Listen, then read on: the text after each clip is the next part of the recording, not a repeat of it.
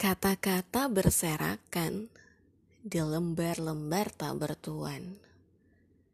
Hilang nama penulisnya, samar inisial nama penerimanya.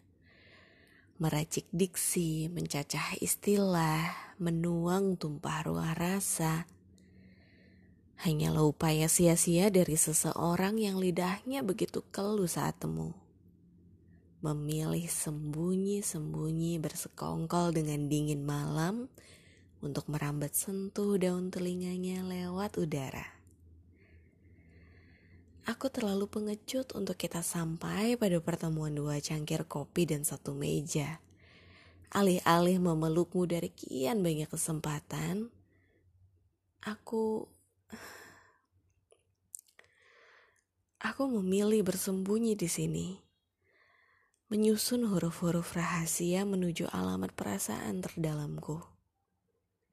Kemudian kelak, rangkaian perasaan sia-sia ini mungkin kau temui di rak toko buku, dan kita terlambat untuk bisa bertukar bibir.